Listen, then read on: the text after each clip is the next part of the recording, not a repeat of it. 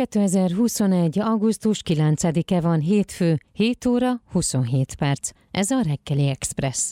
A reggeli Express mai vendége Sándor Bence, a Váci Szimfonikus Zenekar vezetője. Jó reggelt kívánok! Jó reggelt kívánok! Ingyenes koncerteket tartanak az Esztergomi kikötőben. A Dunakanyar Művészeti Fesztivál keretében szimfonikus zenei előadásokat tartanak, tartottak már júliusban, de most augusztusban, és aztán még szeptemberben is. Hogy jött ez a ti életetekbe, ez a felkérés, illetve hogyan alakul most az életetek emiatt? Viszonylag elég gyakran van most koncert koncert. Hál' Istennek igen.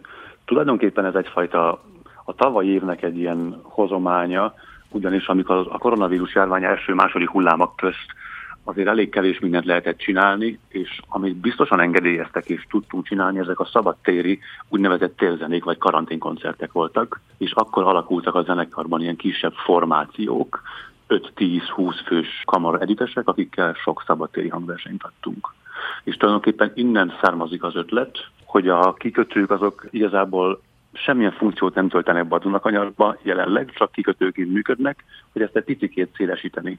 Hogy oda, oda visszük a klasszikus komoly zenét a kamaradítesekkel mi is, és akkor ezzel talán többet tudunk adni a Dunakanyarba érkező turistáknak, mint pusztán mondjuk a táj, a Duna, a Börzsöny vagy a Pilis, így kapnak némi kulturális táplálékot is. A koncerteket 10 órai kezdettel vasárnaponként tartják meg.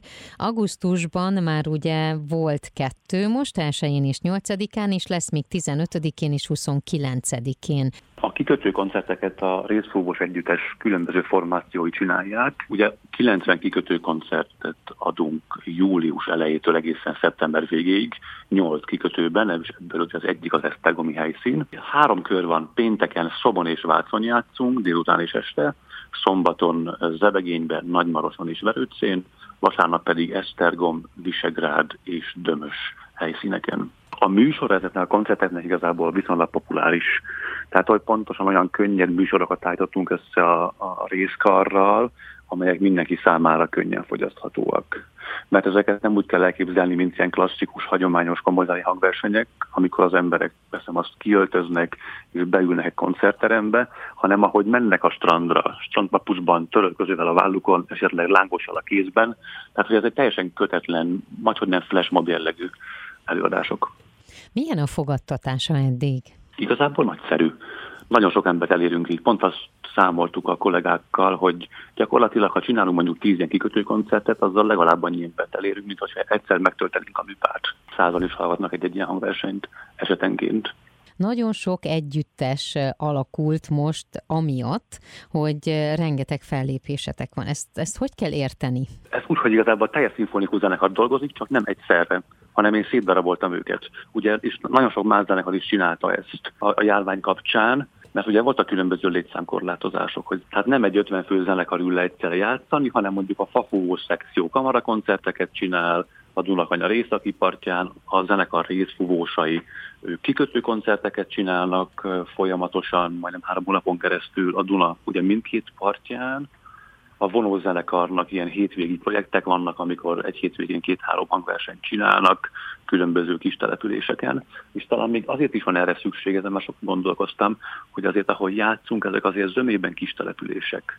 Tehát egy-két-három ezer fő lakosú települések, és bocsánat, hogy ezt mondom, de egy, egy, egy nagy szimfonikus koncertnek sokszor nincs is megfelelő helyszín mert nincs egy olyan nagy hely, ahol mondjuk egy 40 fő zenekar le tudna ülni. Illetve az is fontos szempont még, hogy azért a kis településeken egy több száz fős közönséget zárt térben nem nagyon lehet összehozni. Mit láttok az embereken ilyenkor?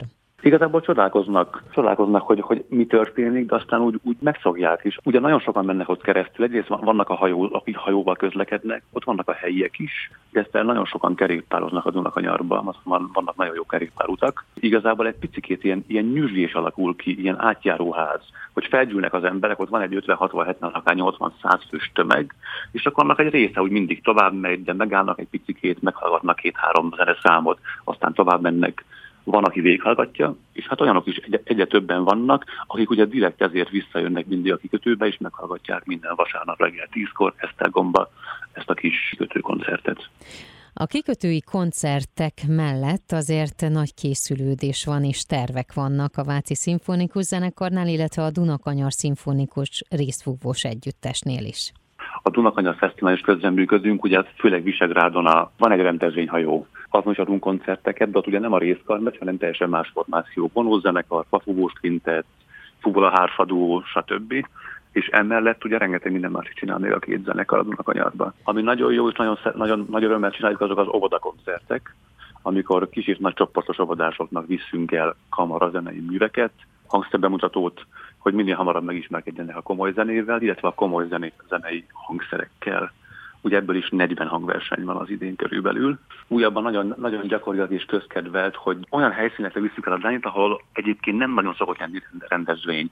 Vácon vannak nagyon szép udvarok, Pannoniaház udvara, vagy Szobon van egy nagyon szép eléggé elhagyott kastély, a Lutzenbacher kastély, és most ott is van egy hangverseny sorozatunk, minden hónapban játszunk ott is egyszer, 6-án, 7-én, 8-án valósult meg egy olyan, olyan sorozat, amikor ilyen különböző, de nagyon érdekes és gyönyörű helyszíneken játszanak a zenészek. Például ez Visegrádon a Királyi Palotában volt egy koncertje, szintén egy ilyen hangversenyt tudtunk adni Dömösön, a prépostsági romoknál, ami szintén egy gyönyörű turisztikai helyszín, tehát valahol az a célja a zenekarnak a Dunakanyarba, hogy az amúgy is megnövekedett turisztikai érdeklődés által rengeteg ember özönlik most erre a vidékre, és szeretnénk nekik kulturális élményeket is nyújtani. És ennek kapcsán rengeteg olyan helyszínt próbálunk meg felkeresni, és a koncertjeinkkel megszórni, ami egyébként nem koncerthelyszín, de alkalmas ilyen mini hangversenyek megszervezésére.